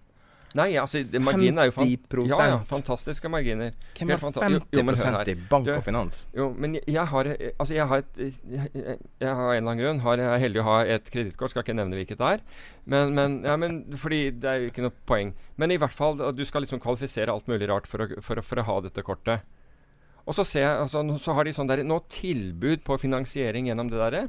Og så kommer de med, et, med tilbudsrente på 25 Altså, hvem er det som betaler 25% Det burde i hvert fall ikke være noen som kvalifiserer til å ha det kortet over hodet, for å si det på den måten. It just doesn't make sense. På fotball-VM så er eh, Elkjøp sponser både NRK og TV 2, så vidt jeg har sett. Og da skulle jeg sjekke en del ting, bare for å se hva, hvem det er som får lov å sponse NRK. Og da var det Elkjøp sitt nye program som heter Renew It. Det ikke ennå, så, der de sier du kan leie forbruksteknologi. Ja 22% effektiv rente. Oh, og det får de lov å reklamere på. Ja. Og så kaller de det Det kommer unna sannsynligvis nye sånne finansieringsregler med å kalle det leie. Men det er jo bare et kredittkjøp. Nei, altså jeg, du, apropos det, så var jeg borti her, for jeg researchet noen, noen høyttalere. Um, og så var det en Jeg husker ikke, het Monster eller noe sånt. Jeg researchet ikke den, men den dukket opp. som heter Monster. Og høyttaleren kostet Det var sånn der, som du kunne ha ute i haven eller et eller annet sånt. Altså sånn hvis du hadde noen på besøk. Kostet 8000-9000 kroner. Men som du påpeker, du kan faktisk leie den. Vet du hva leieprisen var for én dag? 500 kroner. Ja, ja. Ja, men du, alvorlig talt. ja, men det er sånn Altså, det er sånn uh, Ja, her er ikke snakk om at- er det ikke sånn? ja, ja, men her er ikke snakk om at Nei, altså Jeg kjenner er, flere folk som driver med sånn der type leie. Jo, men, er men da leier du vel ut mer enn én høyttaler? Altså Her er det én høyttaler. Hvis, hvis, hvis den ikke er i stand når du leverer den tilbake igjen, så må du betale hele greia. Ja, det- det er jo- Sikkert en forsikring fra helvete. Derav skal du drive og leie ut høyttalere. Men 500 kroner, Ja. det er godt betalt, altså. Trenger ikke å leie ut den så mange ganger for å ha betalt er- den der høyttaleren. Ja, nei, altså, så dem som driver Hvorfor tror du folk, øh, så mange folk driver med russeutleie? Men hva? Russeutleie til russebusser. Alt er jo leid av utstyret. Visste jeg ikke. De betaler samme summen som det koster å, å kjøpe en høyttaler. Så betaler de det i leie. Wow. Jesus. Ja. Det, det er jo bare å se, bare å se på de her prisene de opererer med. Så eh, Folk det jo sparer jo i, i årevis og jobber for å ha Ja. råd til en andel av en, eh, av en eh, russebuss. Det er jo interessant i, eh, i seg selv. Jeg drev og snakka med en, en investor jeg kjenner om early stage. Spurte han hvorfor han ikke investerte i eh, tidlig stadie av selskapene. Egentlig aldri gjort det. Uh, og han får masse pitcher hele tida. Han, han sier bare at når du ser på hele han, Altså, penger hele tida Altså, store deler av pengene er ute og, og tar risk, men tar ikke den type risk. Sånn folk som Sånn som ting som kommer i avisa, og det man kaller så fint startup. Men et, Ja. et nytt selskap. Eh, og han bare sier A, B og C-runder. Det er for dyrt å være med. Det er så utrolig liten risiko. Jeg, jeg mener jeg har sett at det er under 1% som i det hele tatt klarer å tjene noe penger. Er ikke liten risiko, du mener høy risiko. Liten sannsynlighet, mener Liten du? sannsynlighet. Ja, nettopp. Uh, Ja. Jeg føler at, at folk kanskje overvurderer verdien av de her tingene noe helt grassat, og det, i forhold til oppmerksomheten det får. ja. Får Ja, du altså, mye pitcher? Ja. Hver eneste uke. Flere av dem. Hvordan type ting? Alt. Men det er stort sett Det har med Som regel med en annen form for, for eh, teknologi å gjøre, men det kan være andre ting. Eiendomsmeglere. Hva er den verste pitchen du har fått? Uten å, uten å Nei, jeg vet ikke hva den verste er, men du kan si at når uh, Har du fått en sånn musefelle eller et eller annet sånt? Nei, nei det, har, det, har, det har ikke gått på Nei, det har ikke gått på, på, på det. Altså, jeg vil Du kan si at for at jeg skal være med på noe, så, så må jeg skjønne det. Jeg, jeg er liksom sånn nerdete at jeg vil forstå det. Hva jeg putter, putter pengene inn. Noen ganger så er jeg for, er jeg for dum til, til å skjønne det. Og det, det kan være det Og det er ikke noe galt med produktet, det er bare at jeg evner ikke å forstå, eh, for, forstå det. Uh, men der hvor liksom sånn total turnoff for meg, det er når eh, når man kommer med et eller annet, og så Du, du har en idé, og så ønsker du da å kapitalisere på den ideen, men du vil ikke at altså, det, det du skal ha altså, La oss si at eh, du sier at to to millioner kroner for, for uh, La oss si at det er to millioner for, for uh, 20% av selskapet, bare for å ta den. Og så skal det gå rett i lomma på, på vedkommende som har ideen. Altså Én ting er at du, du går inn som arbeidskapital for å, for å fremme dette, men det er ikke arbeidskapital engang. Det er, det er, for, det er for ideen til eh, det huet som har kommet opp på denne her, som egentlig ikke har tenkt å være med noe særlig lenger, fordi han har, fordi han har kommet på en annen idé også, som han gjerne vil fremme. Det er liksom den pitchen som totalt er, er, er en turnoff. Um, mens Og så er det det der Altså, jeg, jeg har jo selv jeg har jo selv eh, startet, og, startet bedrifter og fått inn investorer og sånt, men når jeg har gjort det, så har de enten vært going concern, altså hvor det har vært en inntjening, eller så i ett tilfelle hvor jeg fikk inn to store norske industriforetak. Blant de største begge var børsnoterte. Der kom de inn, men, men, men det vi gjorde der, var at jeg, jeg fikk et øh, fordi man hørte jo på det jeg sa, og hva jeg trodde. Men de sa ok, hvis du oppnår det så mye det første året, eller det dobbelte av det innen år to, så er vi enige om at det er riktig pris. Vi går inn nå til dette, eller det, de gjorde, var at de fikk veldig mye mer aksjer til å begynne med. Men jeg fikk tilbake da en vesentlig del av de aksjene hvis jeg, hvis jeg klarte dette innen to år. Smart deal. Ja, ikke sant? Og, og da, er det, altså, da er det jo litt sånn Da må du bevise noe. Um, da må du på en måte bevise at dette her holder vann. Syns du konvertible lån er Det er jo det som ofte, veldig ofte folk eh, bruker. Ja, de, det er greit å bruke. Det kommer an på hva hva, eh, hva, hva heter det, betingelsene er på det lånet. ikke sant? Både hvor, hvor er den slår inn som en konvertibel, og hvilken rente har du på den. ikke sant? Altså Som regel så bruker jo folk konvertible for at de ønsker en lav finansieringskostnad. Uh, nå om dagen så er jo liksom renten såpass lav at uh, ja. ja du, du, kan bruke det, men det er, det er et skjæringspunkt her. Men hvis, men, du, hvis du skulle etablere et sånn Best Ideas Fund, som du har snakka om, ja. vil, du ha, vil, du ha helt tatt vurdert tidligfasefirma? Nei, da hadde det vært for Nei, i, altså det, det fondet, da tenker jeg at man, man, tar Når man ser muligheter Du kan si alle muligheter er ikke gode. Et vanlig fond er forpliktet til å være bortimot fullinvestert. Ta f.eks. et aksjefond. Det må jo være 80% investert hele tiden. Mm. Ikke sant? Og de fleste må være 90% Så la oss si at, at det er jo ikke en god, god idé hver eneste dag. Det kan du bare glemme. Og jeg tenker også at det der å, å, å, være Altså det å gjøre det samme som et aksjefond gjør, det kan du få mye billigere ved å, ved å gjøre et aksjefond. Bare gå og kjøpe et aksjefond. Det er ikke noe problem. Men, så det må være en sånn best ideas hvor f.eks. Ta, ta f.eks. en oljetraden eller Tesla eller et eller annet sånt. At man gjorde sånne ting når man så det var gode muligheter. Og i mellomtiden så hadde man penger da som da forrentet seg, enten at de lå i obligasjoner eller et eller annet sånt, slik at du hadde en, en, en rente på dem. Uh, eller at du rett og slett kjøper en obligasjonsportefølje, og så har du en trekkfasilitet på den i en bank, slik at den ligger under, og så bruker du en trekkfasilitet til å, til å til slik at du har penger uh, til enhver tid. Men for at du skal kunne gjøre det, så må du ha investorer som altså Det er ikke noe vits i hvis, den, hvis de er og ser altså La oss si at det har gått en måned, og du har ikke sett en eneste god mulighet, og så sier de ja, men aksjemarkedet har gått 3% denne måneden. Uh, her har det ikke skjedd noe. Nei, det har ikke skjedd noe, for jeg har ikke sett noen noe gode, gode muligheter, og du er ikke et aksjefond. Slik at du er nødt til altså Skulle det være interessant å gjøre det, så må du låse inn investorer for noen år. Mm. Til, til, denne investeringen, slik at du vet at du har kapitalen. Bli, og så vet du hva du kan gjøre. Og diversifiseringsreglene som gjelder for, for et vanlig verdipapirfond, kan, kan, du ikke bruke dette, for da får du et vanlig verdipapirfond. Ja. Og eh, skal du ha Best Ideas og, det, og det, Noen har kalt fondene sine Best Ideas-fond, men, men, eh, de er uh, satt opp som et vanlig verdipapirfond. Og så sier man ja, men du fikk ikke noe mer enn et vanlig verdipapirfond. Nei, det er jo fordi du har underlagt deg de reglene. Da kan det ikke bli noe annet. Du må jo du, altså, du må ha muligheten til å, til å gjøre ting forskjellig for at du skal kunne skape den der, og ha muligheten til å skape den der mergevinsten, mm. eller meravkastningen. Så derfor, så, så derfor ville jeg lagt det opp på en annen måte. Uh, og derfor, jeg tror det kreves. Altså, du låser inn investorer. Det, det, altså, egentlig så er det jo mye mer likt private equity. Altså på, Helt på den ene enden av skalaen så har du high frequency trading. ikke sant? For, for den skalaen med investorer er faktisk forandret seg gjennom tid. Det ser du nå. Hvis du ser du har high frequency trading, hvor alt skjer veldig veldig fort. ikke sant? Og Hvor kun maskinene driver og holder på. Og så har du det der området hvor maskiner og mennesker konkurrerer, og det er egentlig på aktiv forvaltning, men hvor investorer egentlig har fått kortere og kortere tålmodighet. Og, og den tålmodigheten har jo gått ned og ned og ned. Mens private equity og venture og disse her, de har fått lov å bli den andre enden av skalaen, den lange enden av skalaen. Og de har liksom blitt uforstyrret i dette. Til tross for at veldig mange av dem altså Hvis du ser over det, Du hører alltid om de gode historiene, og det, og det fins noen virkelig gode historier. Også norske, helt klart. Men det fins også masse dårlige historier uh, på dette, men de hører du aldri om.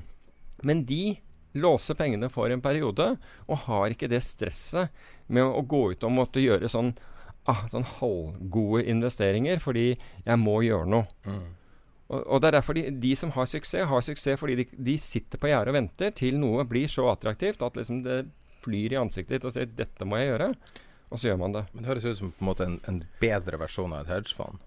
For man kan gjøre det et AS, og du kan gjøre det veldig Ja, og årsaken til det er at Ja, og årsaken til en bedre versjon av et hedgefond er et godt, godt poeng. Og hvorfor? Jo, fordi hedgefond var jo lettregulerte fond i utgangspunktet. Um, partnerskap og som kunne operere på den måten. Men så kom alt dette med regulering inn. Det er jo helt utrolig. Det var ikke, det var ikke et hedgefond som skapte finanskrisen. Men hvor var det man tighta til med skikkelig regulering etterpå? Jo, det var over hedgefond. Mens de som skapte finanskrisen, de var allerede overregulert. Det var bankene. Mm. Det var bare at gutta sov i timen. Altså de, de som skulle overvåke dem, sov i timen. Så, så har man liksom la, gjort gjort, altså lagt så mye regulering på hedgefond at, uh, at det, de, de, kunne ikke operere sånn som de gjorde før. Og de blir mer og mer likt aktivt forvaltede andre fond. Og, og du ser ko korrelasjonen mellom hedgefond og aktivt forvaltede aksjefond er jo knallhøy, eller egentlig mellom hedgefond og, og, og aksjemarkedet har, har, er jo nå på sånn historiske toppnivåer. Det er jo ikke det du vil ha. Altså Hvis, hvis du, du, vil ha en alternativ inntektsstrøm til det du allerede har, så hvis du allerede sitter på en portefølje bestående av aksjer og obligasjoner, så vil du ikke ta inn noe nytt som har akkurat den samme risikokarakteristika som, som du allerede hadde fra før. Da kunne du jo bare investert mer i det du hadde, mm. eller giret det du hadde, eller gjort et eller annet sånn. Det du vil ha, er en inntektsstrøm som er uavhengig av de andre. Da får du diversifisering, og da får du kanskje en inntektsstrøm som fungerer mens de andre ikke fungerer, osv. Det er det du vil ha. Så jeg har, jeg har tro på det. Vet du hva jeg vil ha? Jeg vil ha konto der du kan med en demokonto plassere 1 milliard euro i markedet. Eller demo, i anførselstegn. Har du lest den der i Financial, Financial Times? Ja. Fy faen, for en story, altså. Okay. Trainee found he was practicing equity futures on live sites and placed 1 billion euro of orders. Nå er det jo Det her blir jo en rettssak da han først tapte 1 million pund, tror jeg. Og så trada han det opp til jeg tror det var 10, 10. millioner. Mm. det er 100 millioner grader. ja. 90. Men det, det, som var litt rart med det der, er jo at uh, Altså Hadde dette vært en kunde, så hadde, hadde syns jeg saken hadde vært ganske klar. Det at det er en trainee, altså det vil si at det ville jo gjort at hvis han Altså Da ville han jo på en måte ikke sittet igjen med det. Men hvis Å oh ja. Nei, han, han, er kunde. Ja, fordi det var det jeg mente. Han er trainee daytrader, kaller de han. Ja. Men det var i Frankrike. Så hele greia er at det er, veldig, det er flere ting som er veldig rart i denne saken. For det første er hvordan er det teknisk mulig for en person å plassere en live trade? Så det, det folk er, mistenker at det her er en bucket shop, så han ikke har trada i markedet. Så han har trada ah, i Ok, en bettingshop som ikke Eller noe Nei, sånt? En bucket, en bucket ja, ja, som, som, bare har interne uh, måte, Ja, men det, gjør, det, det skjer jo i, i, også i bettingshopper. Altså, hvis de har noen på den andre siden altså hvis, Du kan si at de, de går ikke i markedet med det hvis de ikke må.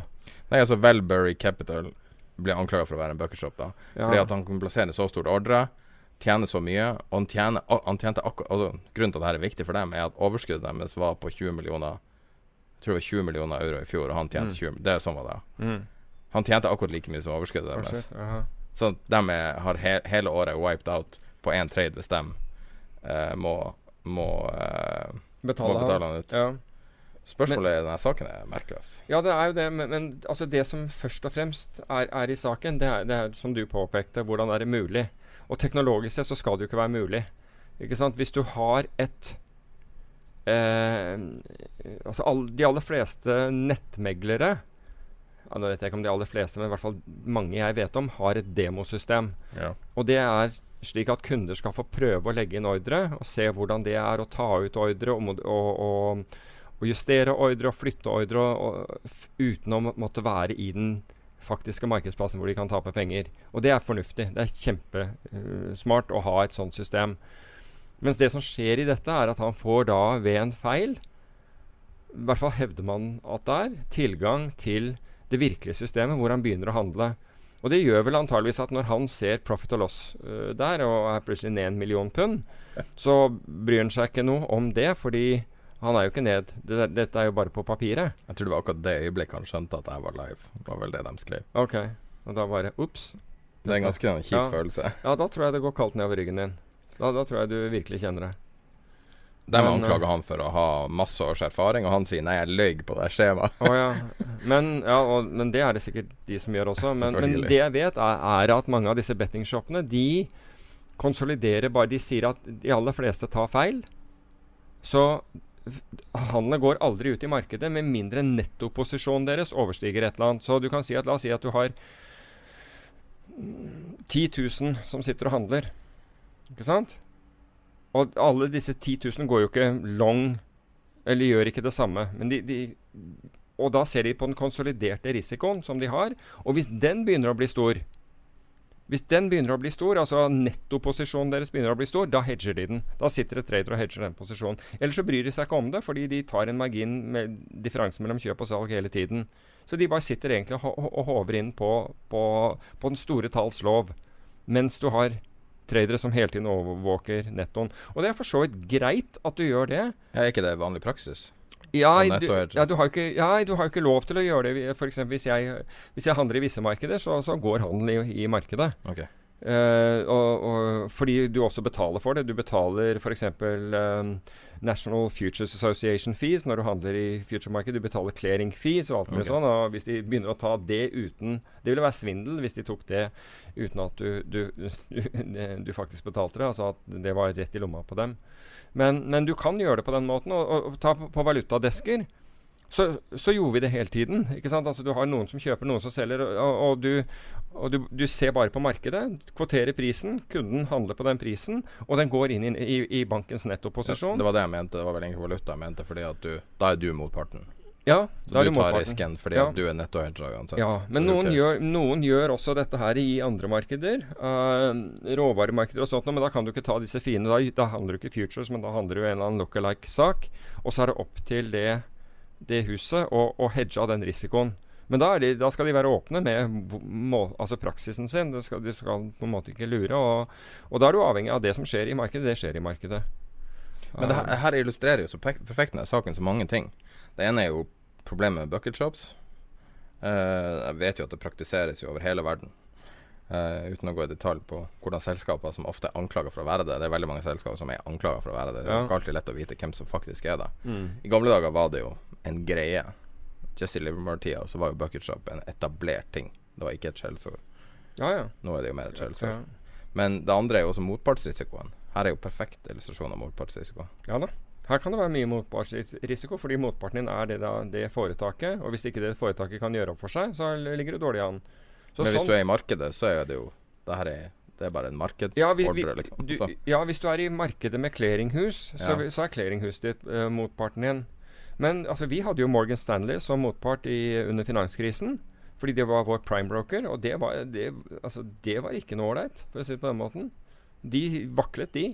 Så, ja. så vi fryktet jo at de ville være neste eh, pilaren som røyk et, etter Lehman. Og var, vi var ikke alene om det. Det var jo mange som trodde at de ville gå. Og de, det så dårlig, uh, dårlig ut uh, en Big periode. Short viser jo akkurat det. Ja, og slik at det var den største frykten vi hadde. Det var motpartsrisiko. Altså, jeg, jeg tenker på alle de si, finanskrisene jeg har vært borti siden, siden 87. Altså Asiakrisen og LTCM og dotcom og hele greia. Ingen av de bekymret vi oss for motparten. Det var først når du kom til 2008 hvor jeg opplevde at solide altså det, Du passet jo på hvem du handlet med. altså Det gjorde du alltid. Det, det var om du hadde en godkjent motpart eller ikke.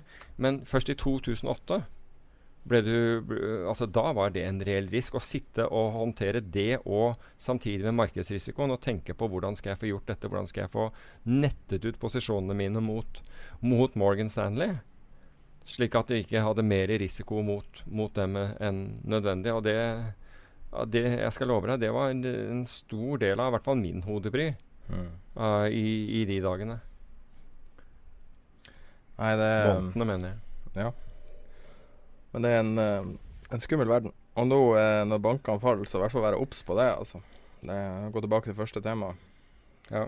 Det, ja, det er, verdt, det, altså, det er, jo en sak som er verdt å Altså Hvis jeg var en investor og, og, og satt uh, tungt eksponert der ute, så ville jeg gravd i det til, til jeg fikk en forklaring. Hva er mm. forklaringen på det der? Altså Jeg har ikke fått tid til å, til å, gjøre noe med det, men hva er forklaringen på dette her? Og hvis jeg ikke var en investor som hadde dyp, altså mye risiko på dette, så ville jeg lete etter longshort-muligheter på det, for da kan du være, da kan du være mer taktisk.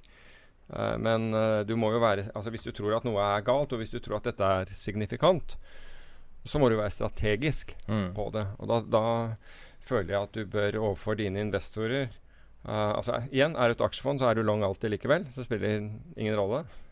da, da, er det bare det du er. Altså Du kan mene hva du vil om markedet, men porteføljen din utvikler seg som marked uansett.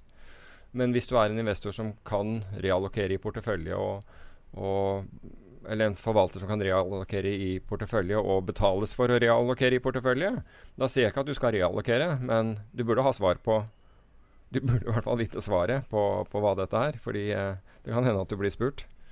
Hva er dette for noe? Og i hvert fall hvis noe går gærent, og noen sier til deg Du, hva fikk du ikke med deg det? Det er litt dumt. En av de beste plassene å filosofere over sånne her ting er vel når du er ute på laksefiske i dine, ditt fullstendig nye kit fra Engler. du står med vaderne dypt nedi en Ja, ja. Ja. De svindyre vaderne dine. Fordi at eh, fiskeutstyret Folk liker fancy, fancy ting. Og um, jeg ville gjenta vårt eh, samarbeid med engler.no. Uh, også Englerbutikken ligger oppe på eh, like ved B i Nydalen. Eh, og den rabattkoden var en Peter. Så får du 20 rabatt. Skal du opp og Til Nydalen. Ja, det, jeg tror det er inngang... eh, Du, det er samme inngangskode til PST. Ja, det, det er rett borti gata fra PST. Det er ca. 400 meter fra PST. så, så hvis du det er, så finner du det. Eh, da tror jeg vi avslutter denne episoden. Og vi kommer til å fortsette gjennom hele sommeren. Vi eksperimenterer jo hele tida med nye ting. Og eh, som dere ser nå, vi har en sommerkampanje med engler. Eh, så eh, vi får se. Kanskje vi skal ha noe Noe i forbindelse med den 30. episoden. Jeg vet ikke hva det blir. Kanskje du annonserer at eh, Best Ideas Fund blir eh, en ting. Det er mange som vil ha det. da Ja, jeg vet det. Jeg vet det. Jeg har, fått mange spørsmål om det også, men jeg er på en måte ikke helt der. I øyeblikket har plenty, plenty ting å gjøre, men Mm. Kan men sitte og kaste steiner på Tesla. ja, nei, nei, men altså, jeg, har, altså du, jeg syns jo, jo bilene er fine. Jeg syns designen er fin på dem, og jeg synes det, er- jeg synes det er sikkert genialt. Det er bare økonomien jeg, reagerer på i det. Men det er veldig artig. det. Altså, folk tror at uh, Det var en eller annen som trodde, skrev et eller annet sånn voldsomt forsvar for, for, for bilene. Men var, jeg så en morsom sak nå, fordi det var en Tesla av den nye som hadde vunnet eh, Pikes Peak, dette bakkeløpet i USA. Men eh, det var vel i fjor, på 11,7 sekunder. Men nå var den slått av en folkevogn, elbil, på, som hadde gjort eh, greia på 7,5 eller eller. Slått med 7,5 sekunder. Så, så, når, så det var i hvert fall en som, som puttet på, på Jeg husker ikke om det var Twitter eller hvor det var, men som i hvert fall sa at eh, at for de som trodde at det der var raskere enn noe annet, så var det, tok de grundig feil nå. Men altså, bunnlinjen min er jeg, jeg liker bilen. Jeg gjør det. Syns bilen er kjempebra. Mm. Bilen er god, økonomien er Ja, nå skal jeg bruke det uttrykket. Dårlig. Men du har kjøpt deg en elbil, har du ikke? Jo, jeg har kjøpt en elbil, men Jeg har det. Jeg har det. Du vil ikke si hvem du backer? Nei, jeg vil ikke si hvem jeg Er det en Tesla? Nei, det er ikke en Tesla. Det er ikke en Tesla. Men, men Det ville vært en bra hedge, da. Ja, ja, men, eh, men det sagt eh, altså, Men alvorlig talt, jeg, jeg, jeg syns Tesla er fine biler. Jeg gjør det. Not with the tongue in the cheek heller. Nei. Så lenge de eh, ikke ryker, så tror jeg de er en ganske fin bil å. Mm. Det er problemet når de går til helvete. Det tar to måneder å fikse. Det er litt sånn slitsomt. Ja, vet du det, eller er det en påstand? Det har vært dokumentert ganske mye om det. Men du kan gå og se på støvet. Det er det som er en bra indikator. Aldri hørt noe. Nei, men nå har vi vært, holdt på over en og en halv time nå, så vi nå i ebbe ut. Det bare tull her. Da avslutter vi vår 29. episode, og eh, høres om to uker. Tired of ads barging into your favorite news podcasts? Good news. Ad-free listening is available on Amazon Music for all the music plus top podcasts included with your Prime membership. Stay up to date on everything newsworthy by downloading the Amazon Music app for free or go to amazon.com slash news ad free. That's amazon.com slash news ad free to catch up on the latest episodes without the ads.